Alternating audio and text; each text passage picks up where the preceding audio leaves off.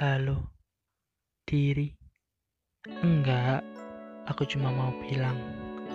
Tak terasa ya, sudah sampai sejauh ini. Padahal, kamu dulu berusaha untuk menyudahi dengan menginginkan untuk mati. Tapi nyatanya, kamu malah berani menghadapi semua ini.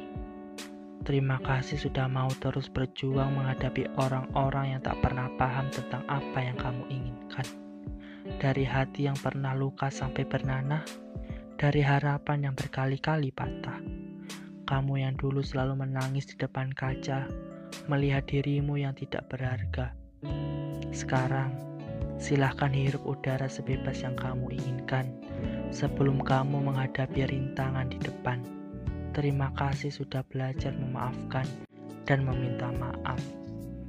Berdamai dengan diri sendiri dan lebih mencintai diri sendiri.